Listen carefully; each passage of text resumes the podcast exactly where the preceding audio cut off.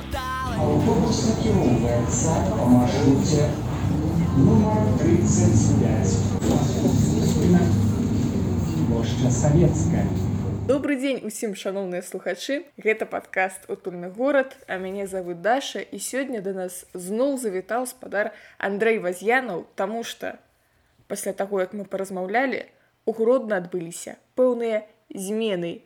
І перад тым, як размаўляць пра заяўленую тэму ноч у горадзе, я вам укіну пару пытанняў. Па-першае, моя спецыяльная карэспандэнтка высветліла, што самакаты ўсё ж такі ўгродна ёсць і яны гуртуюцца на плошчы савецкай гэта такія чорныя мінімалістычныя самакаты з каляровымі надпісамі самакату гэта даволі прыемна но я лічу што гэта лепей калі развіваецца такі малы бізнес чым праходзяць всякие вялікія агрэгатары як вы лічыце чым больш розных бізнесаў тым я думаю больш магчымасцяў што гэта будзе адаптавана пад мясцовыя патрэбы па-перш таму што менш звёнаў зваротнай сувязі то бок вось скажуць гэтаму самокату свае мясцовыя якія тут і жывуць і тут і карыстаюцца гэтымі самокатамі больш шанцаў што бізнес штосьці зменіць гэта першае. А па-другое у нас узнік план рэканструкцыі гродна.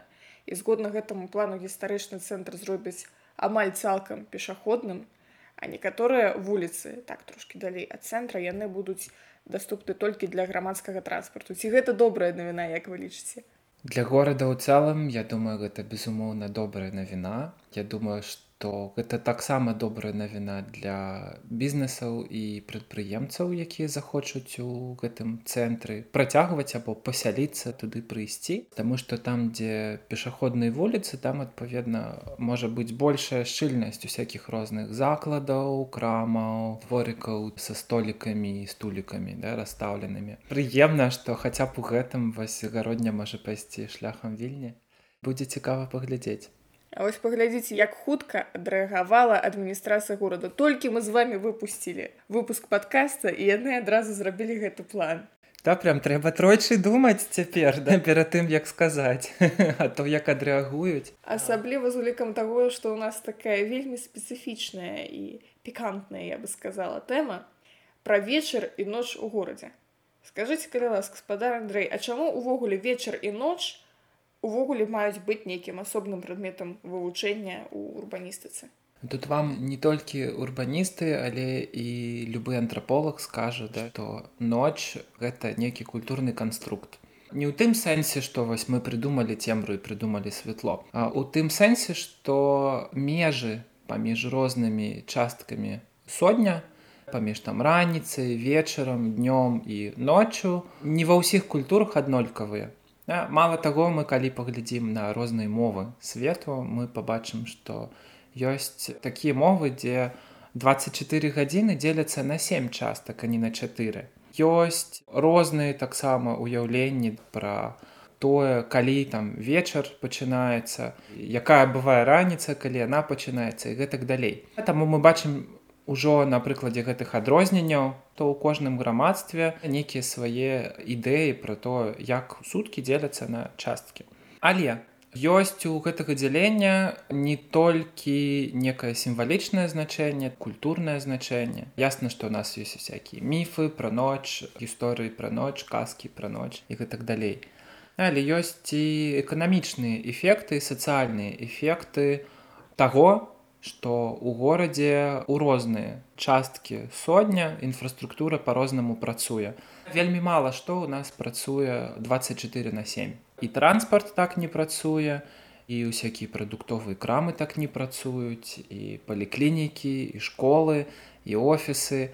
Усё гэта працуе толькі нейкія пэўныя гадзіны. Гэта не значыць, што ноччу нічога не адбываецца. Да? Ноччу у нас таксама людзі працуюць, толькі іхняя праца вельмі нябачная. Розныя там камунальныя службы, людзі, якія пасля закрыцця супермаркета або да адкрыцця супермаркета мусяць неяк штосьці рабіць на гэтых гандлёвых плошчах. Розныя іншыя людзі, якія на сваю працу мусяць дабірацца або з яе потым вяртацца вось тады, калі ўсе спяць, ну, або калі у большасці вольны час. Гэта з аднаго боку. А потым, канешне, у нас ёсць індустрыя забавак, якая таксама паступова захоплівала ночны час у англамоўнай літаратуры ёсць нават такі тэрмін nighttime economies эканомікі начнога часу.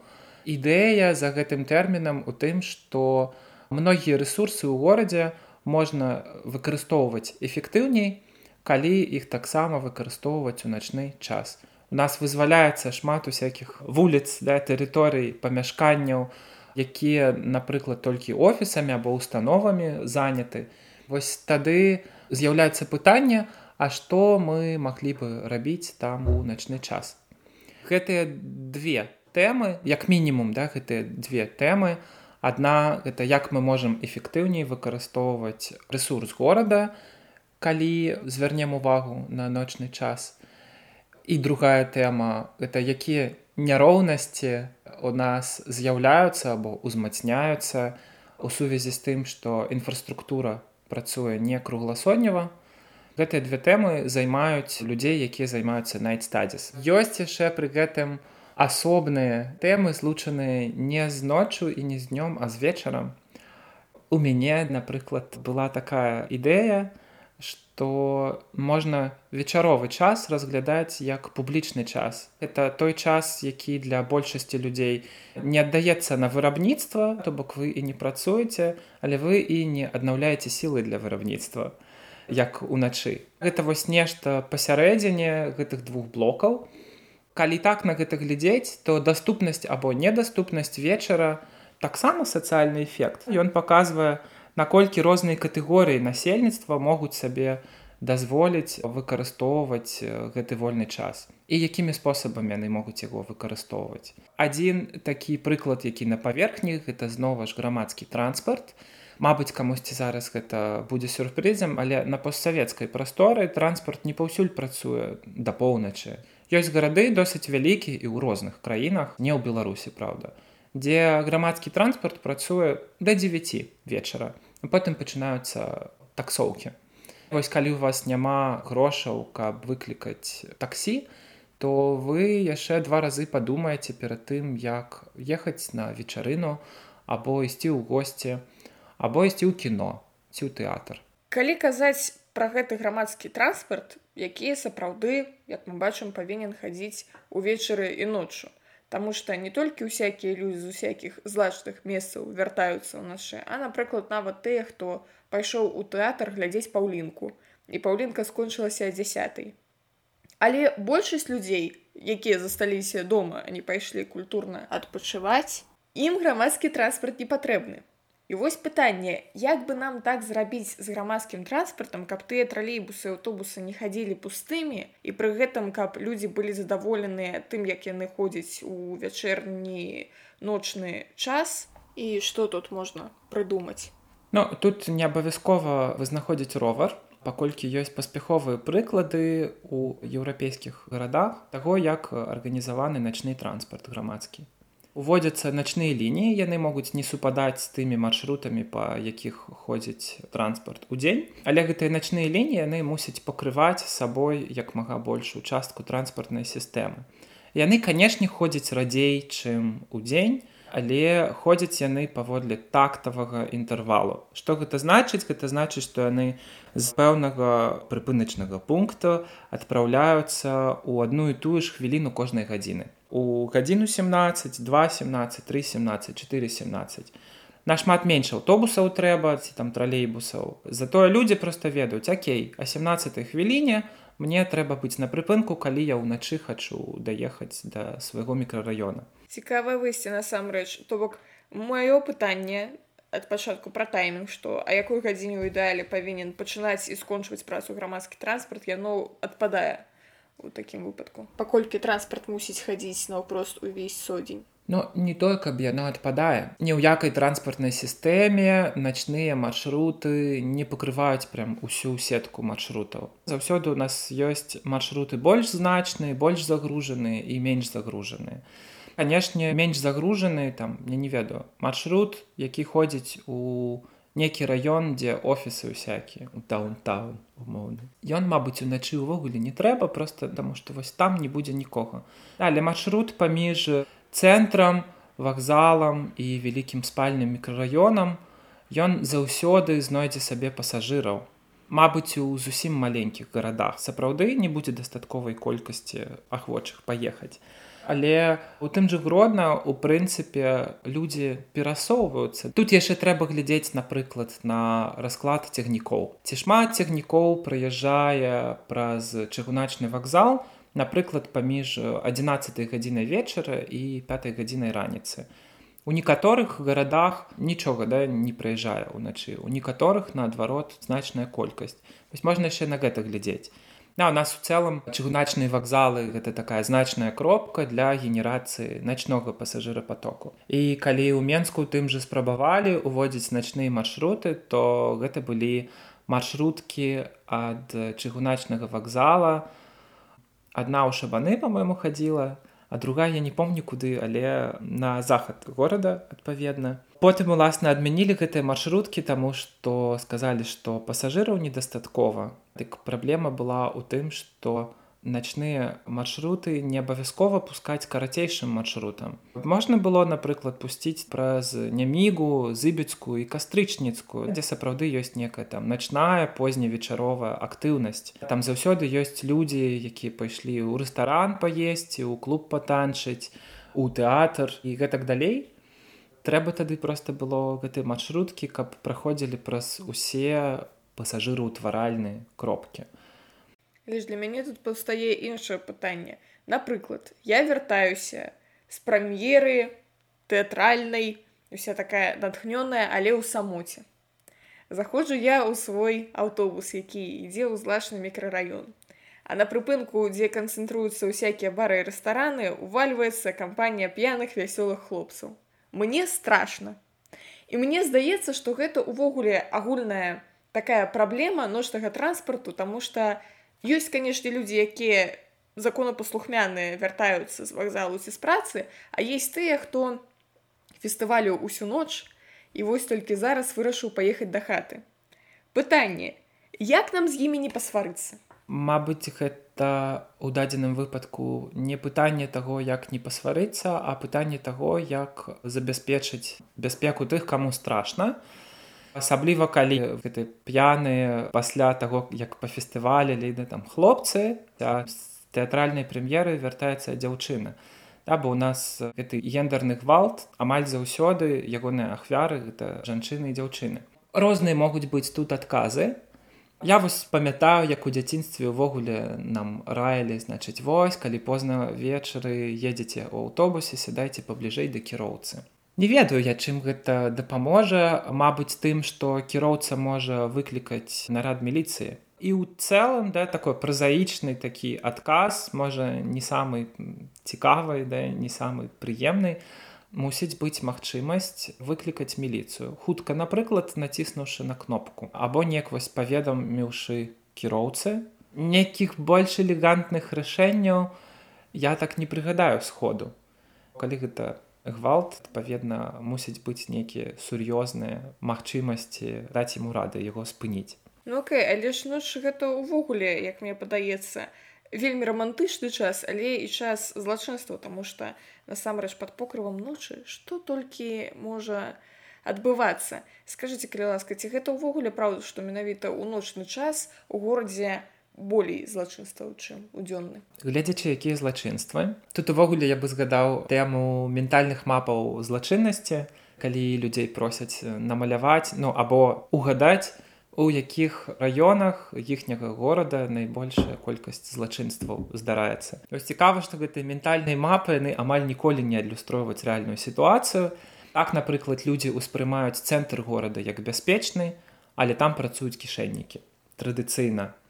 І там у цэлым нас досыць шчыльнае выкарыстанне прасторы вельмі інтэнсіўнае ўсё шчыльна забудавана таксама шмат розных усякіх складаў закладаў і гэтак далей спальныя раёны які ўспрымаюцца як менш бяспечныя ну, яны вось под пакрывам цемры якраз такі не вельмі актыўныя.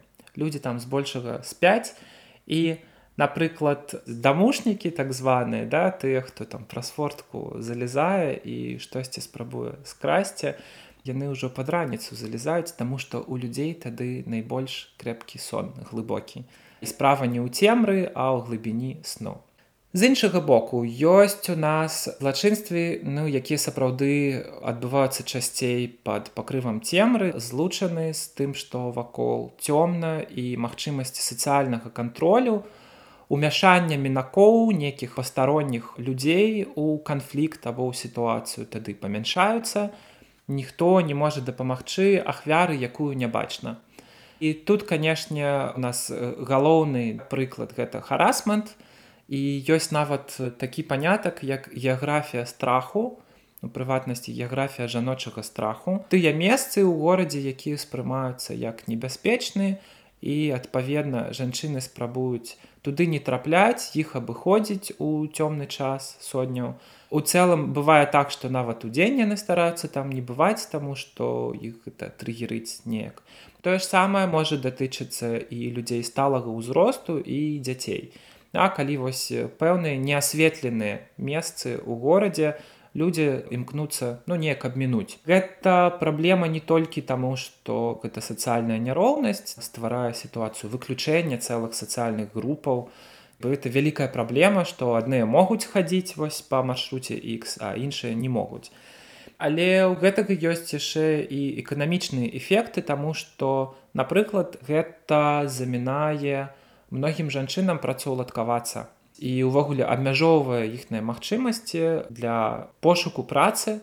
Даследаванні вельмі такі маштабныя пра гэта праводзіліся напрыклад у Індыі. Індыя вельмі небяспечная для жанчын краіна і там спрабавалі падлічыць, колькі бы дадаткова грошаў магла бы атрымаць эканоміка, калі бы жанчыны маглі працаўладкоўвацца туды, куды яны хочуць, уключна з начной працай там праца на складах праца ў нейкія познія змены у супермаркеце просто нейкія іншыя актыўнасці калі вам трэба вяртацца по цёмнаму сотні мільёнаў даляраў. Эканоміка могла падтрымаць калі бы жанчыны з гэтага сегменту рынку працы не былі б выключаны. Выключаны ў тым ліку праз тое што горад цёмны. Мало таго у нас у гарадах вельмі часта так бывае што цэнтр асветлены да всякие такі парадныя вуліцы якія ўсім бачныя яны светлыя а спальні мікрараёны у якіх не чакаюць турыстаў не чакаюць нейкіх выпадковых наведнікаў да, там хоць вока выкалі.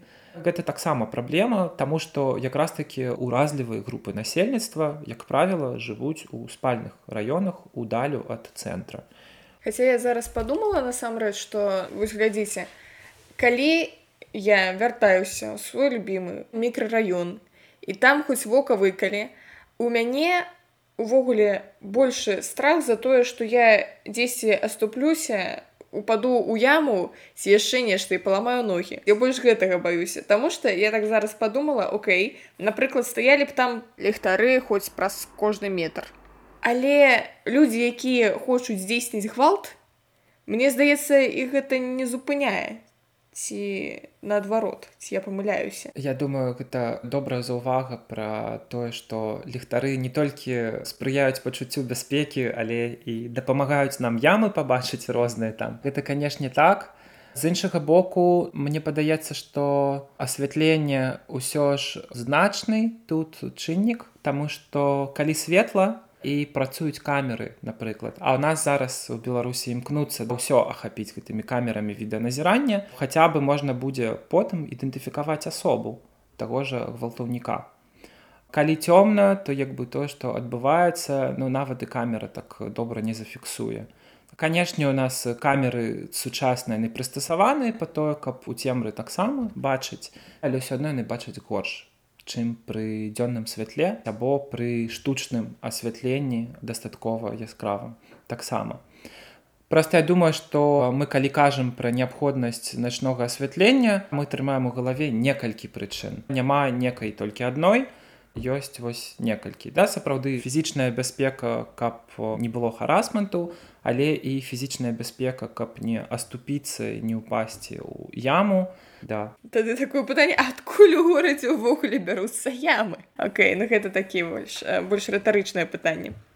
Окей але ж паўстае пытанне грошай. Вось як высветліць колькі нам паставіць тых ліхтароў каб гэта і было комфортна для людзей і каб пры гэтым гэта не каштавала бюджэту усіх грошай? Па-перш я бы сказаў что вулічнае асвятленне зусім не самы выдаткоўны артыкул у гарадскім бюджэце. У нас на менскай урбан платформе некалькі год таму мой калега рабіў аналіз інвестыцыйнага бюджэту так ён паказваў што самыя выдаткоўныя праекты бюджэта это розныя збудаванні кшталтаў стадыёна гэта метрапалітэн у менску канешне. Але вулічнае асвятленне там можна напэўна ўсю Беларусь было асвятліць за тыя грошы за якія рэканструявалі стадыён. Другая штука злучана з тым што у нас вулічнае асвятленне у беларусі не так дрэнна справы з заменай старых лямпачак на сучасныя энергазберагальныя, але не ўсё яшчэ замянілі. Дык вось ну гэта замена она патрэбная, Таму што розніца вялікая асвятляць старымі лямпачкамі і сучаснымі. Электраэнергіі яны не настолькі шмат ядуць, ёсць куды больш выдаткоўныя затратныя спажывальнікі энергіі. Калі мы неяк плануем гэтае асвятленне, важна не пытанне колькі трэба Таму што ўвесь час мы будзем неяк адаптаваць пераглядаць нейкі апдейт рабіць і казаць вось Окей сёлета мы можемм яшчэ дадаць столькі і столькі думаю куды важней прыярытэтнасць вызначаць. Каб не было так што у нас умоўна ёсць грошы на 3000 новых ліхтароў і гэтыя 3000 новых ліхтароў паставілі бы вакол турыстычных помнікаў у цэнтры горада. А на спальныя раёны нічого б не засталося Вось мне падаецца галоўнае такіх пазбягаць сітуацый, таму што вулічнае асвятленне і пытанне бяспекі гэта нейкія прыярытэты для мясцовых, для тых, хто гэтым маршрутам не адзін раз на некалькі год праходзіць, а хто штоночы даводзіць да сябе дамоў і неяк патрабуе гэтай бяспекі. Таму патрэбны такі як мінімум баланс паміж тым, каб асвятляць турыстычныя ўсякія прахожыя месцы і тыя дзе жывуць і бываюць толькі мясцовыя жыхары то бок спальнікі. Увогуле турысты павінны ночу спаць я так лічу. Навошта яны за гатэлі плаціць такім выпадку калі не спяць там? Окей у мяне тады яшчэ одно пытанне. Я аднойчы жыла на вуліцы дзе стаялі такія вялізныя ліхтары якія асвятлялі дарогу для аўтамабіляў. І тротуары для пешаходаў таксама не былі зусім цёмныя вось як быццам тых ліхтароў няма. Але там было ну, ну, ну, ну не вельмі светла. Вось па-першае. Па-другое стаялі яны толькі па адным боку дарогі. Пытанне нумар адзін. А ці варта ўвогуле асвятляць дарогу ў горадзе? Таму што ну на трасе ж неяк аўтамабілі ноччу раз'язджаюцца і без ліхтароў. Дарэчы не ведаю я адказы на гэтае пытанне таму што сам я не аўтакіроўца Я магу толькі неяк памеркаваць, што ў горадзе больш інтэнсіўны трафік, таму дадатковае асвятленне оно патрэбнае. І акрамя таго у горадзе у нас многія дарогі пераходзяць людзі не толькі ў прызначаных месцах. Адпаведна, падвышаная планка бяспекі, мабыць, ёсць, калі мы кажам пра гарадскую прастору і дарогі ў гарадской прасторы. Таму і больш гэтых ліхтароў. То бок інтэнсіўнасць трафіка колькі у нас там машин прыязджае па якім-небудзь праспекце ці вуліцы унутры горада я думаю што ў десяткі разоў больш чым па трасах міжгародніх А тады пытанне ці хапае пешаходам тых вялізных ліхтароў якія асвятляюць больш дарогу што не патрэбна ўжо і маленькія ліхтары менавіта для пешаходаў У прынцыпе на гэтае пытанне можна адказваць колькасным чынам па-перш вылічваецца колькі у нас адсоткаў паверхні асветлена. Напрыклад, тыя праекты, якія я чытаў там па асвятленні афрыканскіх мегаполісаў.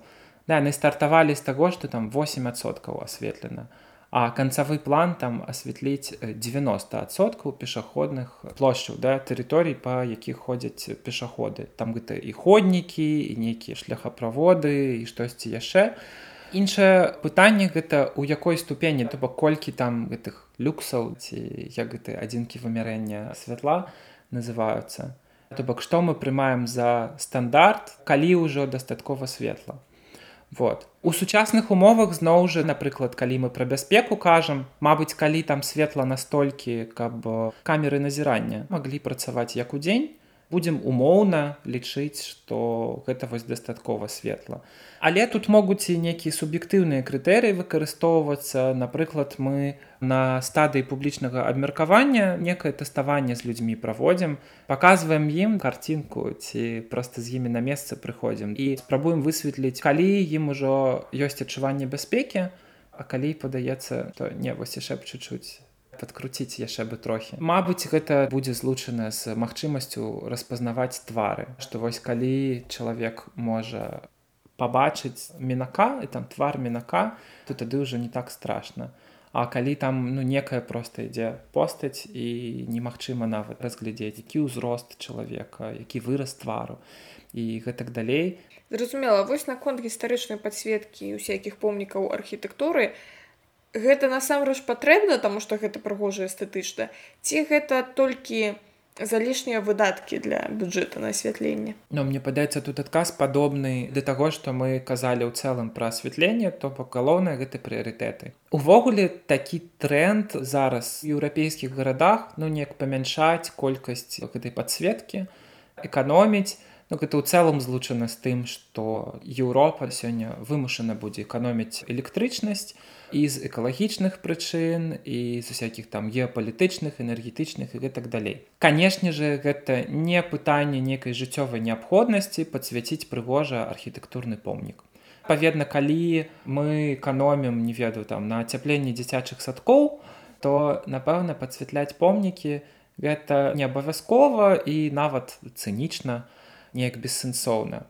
Калі некія больш базавыя пытанні вырашаны і яны не патрабуюць там э, некай істотнай эканоміі электраэнергіі напэўна можна ставіць пытанне пра то як пацвяціць некі архітэктурны комплекс.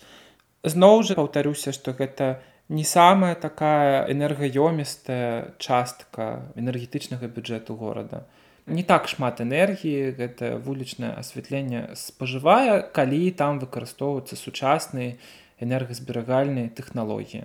Зрэшты важна, каб гэта не было там толькі для турыстаў або толькі ўвогуле невядома для каго, таму што ну часам у нас падсвятляюць тое, што і турысты то не бачаць і не любяць. нас можа які-небудзь там манумент быць падсветленым больш, чым барная вуліца.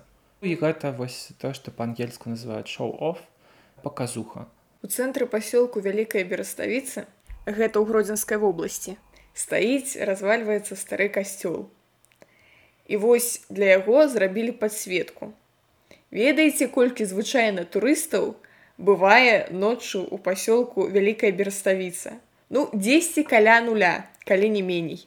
І тады пытанне навошта гэтае асвятленне робіцца калі мы кажам пра пасёлак вялікая бераставіца тут напэўна яшчэ трэба кансультавацца з супольнасцю з мясцовай Мабыць, якраз такі для іх гэта будзе нейкі важны сімвалічны сэнс несці. Што вось тое, чым яны даражаць, напэўна, да, некая архітэктурная спадчына, унікальная і, мабыць, адзіная такой ступені вядомасці, унікальнасці ў іхным населеным пункце. Мабыць, варта яе пацвятляць, каб яны глядзелі замілоўваліся і думалі вось нават у нашым невялікім населеным пункце ёсць штосьці вельмі такое прыгожае калі ідзецца пра подсветку аднаго будынку які яўна такое унікальнае значэнне мае для невялікага насельніцтва то уласна трэба запытаць у людзей. Гэта зноў такі не тыя лічбы хутчэй за ўсё. Гэта не тыя сумы грошаў які некім карэнным чынам у зменяць якасць жыцця ў гэтым пасёлку. Але могуць зрабіць прыемна мясцовай супольнасці. Глядзіце вось яшчэ пытанне наконт усякага гэтага неабавязковага асвятлення. Неяк под новы год я ад пачатку была ў вільні а потым прыехала ў гродны. У мяне быў такі кантраст што ў вільні гэтых шарыкаў ліхтарыкаў амаль што няма а ў гродна просто ўсё свеціцца як днём. Пытанне Як вам болей падабаецца? Як у вельмі мінімалістычна ці як укрутна калі светла як у дзень? Мне суб'ектыўна больш падабаецца калі жыццё багатае па культурніцку на працягу ўсяго года. І калі не робяць культ з некага аднаго свята ці вельмі маленькай колькасці святаў. Культ навагоддзя на постсавецкай прасторы ну ён часта выкліканы тым што на працягу года не так шмат цікавага адбываецца не так шмат культурніцкіх падзей фестываляў. А калі некія святы то гэта святы некай адной культурнай традыцыі якая дамінуе. Людзі менш прывыклі шанаваць чужыя традыцыі знаёміцца з культурамі суседзяў і гэтак далей. Мне напэўна падабаецца калі з некага аднаго свята не робіцца культа і адпаведна няма вось гэтага прыстасавання гарадской прасторы пад 3-4 суперкультавых дні у годзе. Гэта, мабыць, ускосна, канешне, злучана з тым, што паўсюль гэтыя ліхтарыкі і гірлянды. Але гэта першая думка, да, якая мне ў галаву прыйшла. Тут яшчэ мы можам глядзець некага утылітарнага пункту гледжання на гэтыя ліхтарыкі. Калі яны асвятляюць вуліцу, робіце больш бяспечнай, чаму не. Глядзіце, але вам уладальнікі малога бізнесу адразу скажуць спадар Андрэй што за крамолы? Вы ведаеце мы на навагоднія святы якую касу робім увогуле калі культурніцкае жыццё будзе больш раўнамерна размазана па годзе па ўсім да яны будуць гэтую касу рабіць часцей стабільней прадказальней Мабыць. У цэлым просто не будзе вось гэтай мітусні толькі ў адзін перыяд года. то глядайце бывае гэта ж у кожным месцы па-свойму недзе ёсць там турыстычны сезон калі ўсе на вушах стаяць а потым усё ціха. Ні касы няма ні людзей і ліхтары можна выключаць. Але ў тых гарадах якія не арыентаваныя на турызм а у нас у беларусі ў цэлым гарады не арыентаваны на турызм. Акрамя гродна. Ну вось гродна да найбольш напэўна арыентаваны быў прычым на турызм з захаду. А сёння брест і гродна раптам сталі такім крайнім захадам наадварот для турыстаў з усходу. Але астатнія гарады да яны не так жывуць у іх вось гэта гэтага турыстычнага сезона такого яго няма і калі мы кажам пра арганізацыю гарадскога жыцця у тым ліку начнога гарадскога жыцця то трэба думаць пра сваіх пра мясцовае насельніцтва якому тут жыць і якому неяк забаўляцца якому па ідэі патрэбна як мага больш разнастайнае жыццё насычанае і ўвосень і ўзімку і ўвесну да і ў летні час. Згодная. А я з гэтай нагоды зараз трошки пакрытыкую вільню тому что для мяне быў шок что некаторыя кавярні тут зачыняюцца а сёмай гадзіне а восьмай. Тым часам як у нас угродна да 11 усе кавярні працуюць усе людзі п'юць каву 11 гадзіне ўвечары. Што гэта такое і якой насамрэч павінна зачыняцца кавярні? З аднаго боку тут можна канешне увогуле спаслацца на скандынаўскую некую нардычную практыку калі ўсё вельмі рана адчыняецца і рана зачыняецца. Так гістарычна прынята я калі шчыра сам бы пачытаў пра гэта. Я не ведаю чаму напрыклад у фінлянды прадуктовыя крамы працуюць з 6 до 18 да ну нейкія такія дзіўныя нам незвычныя графікі. З іншага боку калі мы кажам пра малы бізнес тут жа ёсць яшчэ умовы працы пэўныя. Тыя кавярні дзе людзі працуюць да до 11 гадзіны вечара. Нам можа быць цікава, гэтыя людзі пасля 8 гадзіны вечара выпадкова не застаюцца на працы 13 гадзіну 14 15 і гэтак далей. Калі дзеля патрэбаў кліентуры яны вось настолькі перапрацоўваюць, гэта этычна спрэчная сітуацыя. Мабыць, гэтыя малыя бізнесы яны так рана зачыняюцца, таму што людзі працуюць там у адну змену, а іх вельмі малая колькасць персаналу, яны ствараюць персаналу нейкія годныя умовы працы. Ну а кліентам прапануецца тады калі ім так хочацца ўвечары той кавы пашукаць некую сеткавую кавярню якая будзе адчынена кругласотнева або хаця б да 11 вечара. Гэтая сітуацыя з тым што рана ўсё зачыняецца она з рознымі можа быць прычынамі звязана.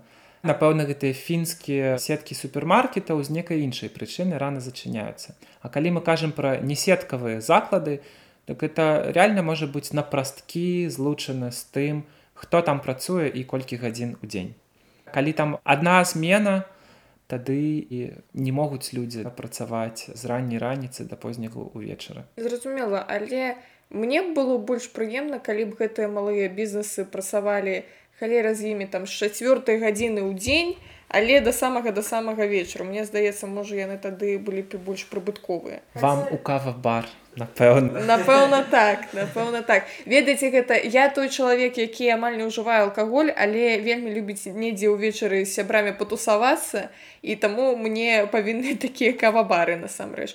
Тут трэба адзначыць што у некаторых у шматлікіх кавярнях у нас угродна вялікая вінная карта. Удзень яны працуюць як кавярні увечары яны ўжо працуюць як нешта пасярод. Да маглі б яшчэ ў раніцу працаваць як нешта трэцяе кам'юніці цэнтр як пахмельніцкая пахмельніцкая дзе будуць рассольчык да мабыць вось нейкія такія супы падаваць Окей а вось наконт крамаў яшчэ адзін мой персанальны боль. Я чалавек які некаторы час свайго жыцця працаваў там да 6 гадзіны ўвечары. Потым яшчэ пакуль сядзеш з працы туды-сюды вось ужо і сёмая гадзіна. А мне трэба часу да часу заходзіць у крамы канцлярскіх тавараў у кнігарні а яны ўжо зачыненыя. Зноў жа пытанне не здаецца што больш рацыянальна было б ім працаваць з 12 у дзень але там да 8 гадзіны ўвечары. Ці да 9 нават. Мне здаецца, што увогуле ў горадзе з чым можна было бы папрацаваць, так гэта з тым, каб рытмы розных груп насельніцтва і розных груп рабочых менш супадалі, каб і пасажырапатокі ў цэлым патокі людзей былі больш раўнамерна размеркаваны паміж гадзінамі у сутках, І я ведаю, што такое робіцца і рабілася, дарэчы, нават у савецкія часы. У Петербургу, напрыклад, час пачатку змены на розных заводах быў розным, адрозніваўся там на 15 хвілін, на 20 на паўгадзіны, так каб уся гэтая процьма людзей не спрабавала залезці ў адзін трамвай. Каб усё ж яны неяк ехалі з розніцай хаця б у 30 хвілін на працу. Вот, я думаю, што гэта ў цэлым мае сэнс для гарадоў, асабліва для тых гарадскіх лакацый, дзе вялікая канцэнтрацыя гэтых працоўных месцаў. Тое, што тычыцца крамаў з вузкім прызначэннем, з нейкім такім профілем спецыфічным, вось тыя крамы канцылярскіх тавараў. Можна, напэўна, ў розныя дні тыдня яшчэ не пасоўваць туды-сюды гадзіны працы, Я ведаю, што ў інстанцыях усякіх і службах аля міграцыйная служба бываюць дні, калі яны, напрыклад, працуюць да восьмай.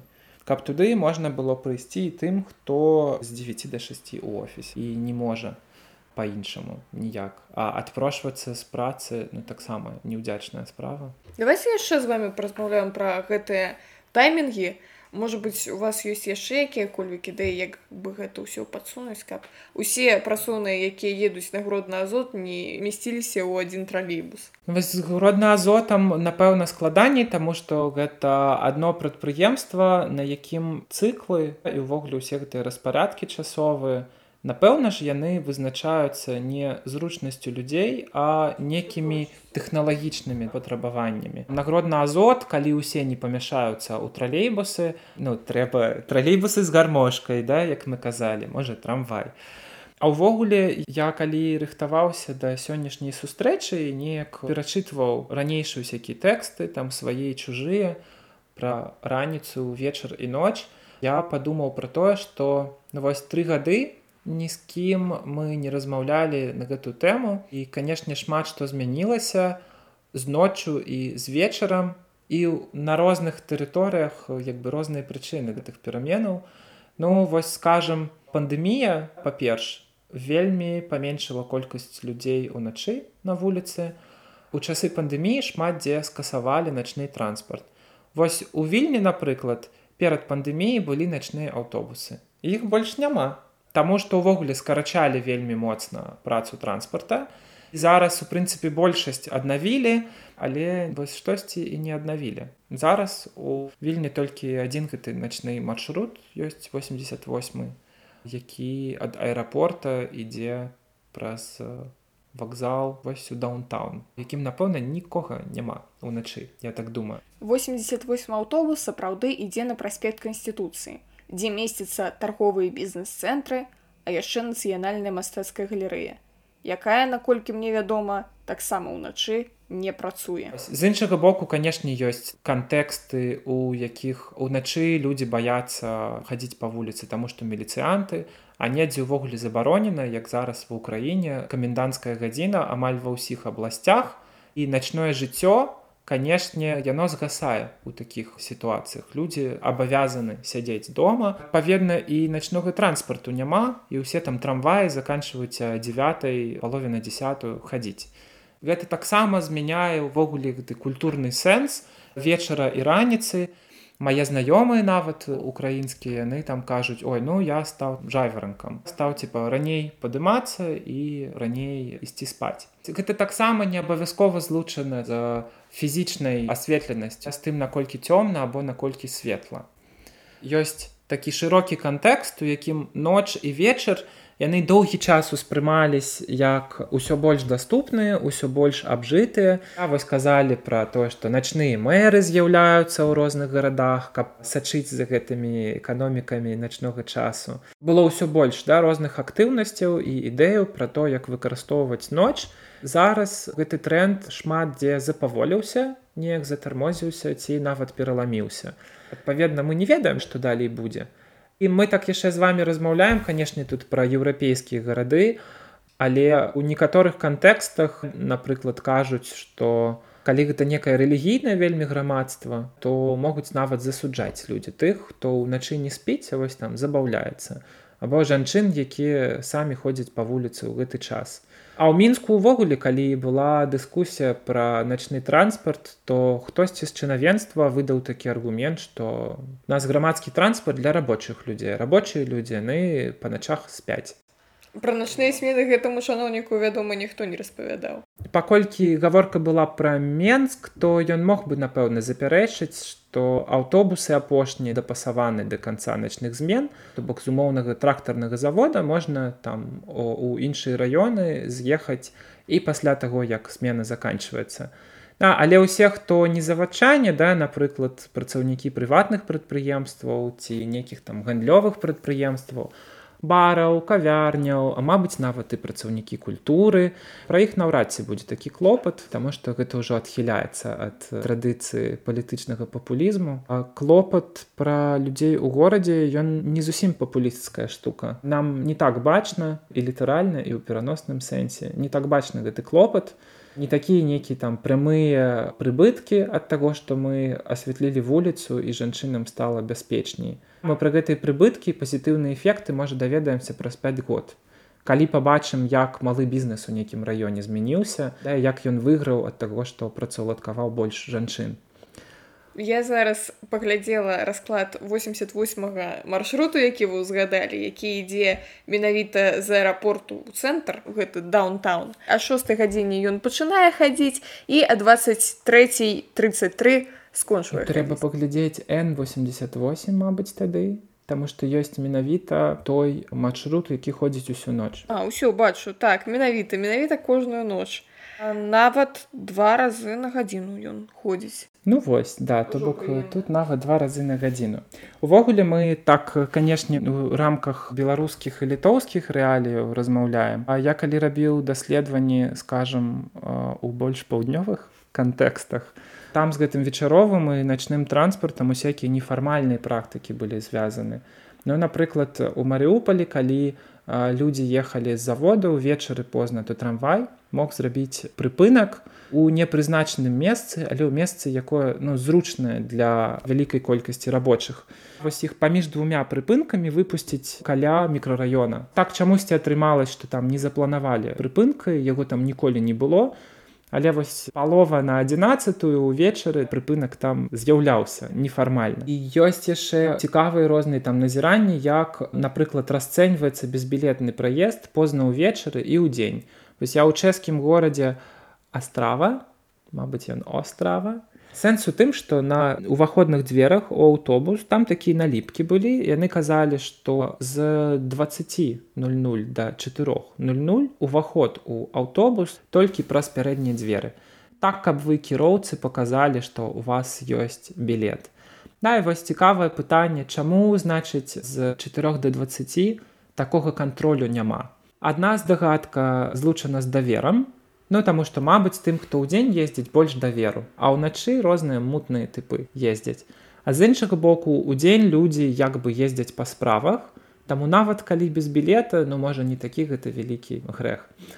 А вось калі вы ўначы там бадзяецеся дзеля сваіх забавак усякіх, то тады безбілетны праезд гэта нешта зусім такое вартае асуджэння і мы будзем вас кантраляваць неяк дадаткова. Мне здаецца гэта напэўна просто праз тое што кантралёры не працуюць ноччу Ну мабыць і так, Мабыць і так. так яны просто не працуюць ноччу і з аднаго боку з другога боку калі б такое рабіць удзень калі вялікі пасажыры поток то просто людзі б стаялі па паўгадзіны на ўваходзе паказваючы кіроўцу свой білет Што я магу сказаць пра кантралёраў мне больш цікава наступная сітуацыя Мне здаецца ўсё ж такі кантралёры пачынаюць працаваць не з чацвёртай гадзіны раніцы трошки пазней то бок вось гэты інтэрвал паміж чацвёртай гадзінай раніцы і пачаткам дзейнасці кантралёраў ён вольны. Гэты інтэрвал увогуле вельмі цікавы і я ў некалькіх гарадах дзеля эксперыменту спрабаваў ездзіць на першых аўтобусах, першых тралейбусах, першых трамваях. Амаль ва ўсіх выпадках мы, напрыклад, бачым, што людзі, якія на першым тралейбусе кудысьці едуць, яны гэта робяць кожны дзень, і яны пачынаюць адзін аднаго пазнаваць і вітацца. Тое што ўдзень немагчыма ды ўвогуле па-за межамі гэтай ранняй раніцы не практыкуецца ну не здароўкаемся мы як правіла у транспарце. Да там вось людзі знаёмыя сустракаюцца пачынаюць размаўляць запытвацца там як маешся і некая зусім іншая атмасфера Ну і акрамя таго гэта надзейны досыць перыяд таму што менш аўтатрафік Вось таму гэты першыя рэйсы і апошнія рэйсы, дарэчы, таксама да іх нейкія большыя патрабаванні надзейнасці. Тут вось можна пабачыць, як позна ўвечары менавіта апошні рэйс забірае шмат пасажыраў, Таму што ён ім і задае гэтую рамку да якой гадзіны можна весяліцца. Мы можемм бачыць, як там перад апошні і перад перад апошні тралейбус ідуць амаль пустыя, А вось апошні потым сабірае шмат моладзі, Таму што яны ведаюць, што пазней нельга затрымацца. Канешне, гэта вельмі важна, каб менавіта гэты апошні рэйс адпраўляўся ў час і там не адпраўляўся раней, напрыклад, бо падвядзе вялікую колькасць людзей. На гэтым мне здаецца можна і завершыць на гэтай пазітыўнай ноце. Дзякую вам вялікі, што зноў да нас завіталі з вами заўсёды вельмі прыемна размаўляць. А вам вялікі дзякуй шаноўныя слухачы, стаўце лайки, зорачкі, усе астатнія прыемныя адзнакі і прабівайце талончыкі аўтобусе. Пачуемся. Набывайте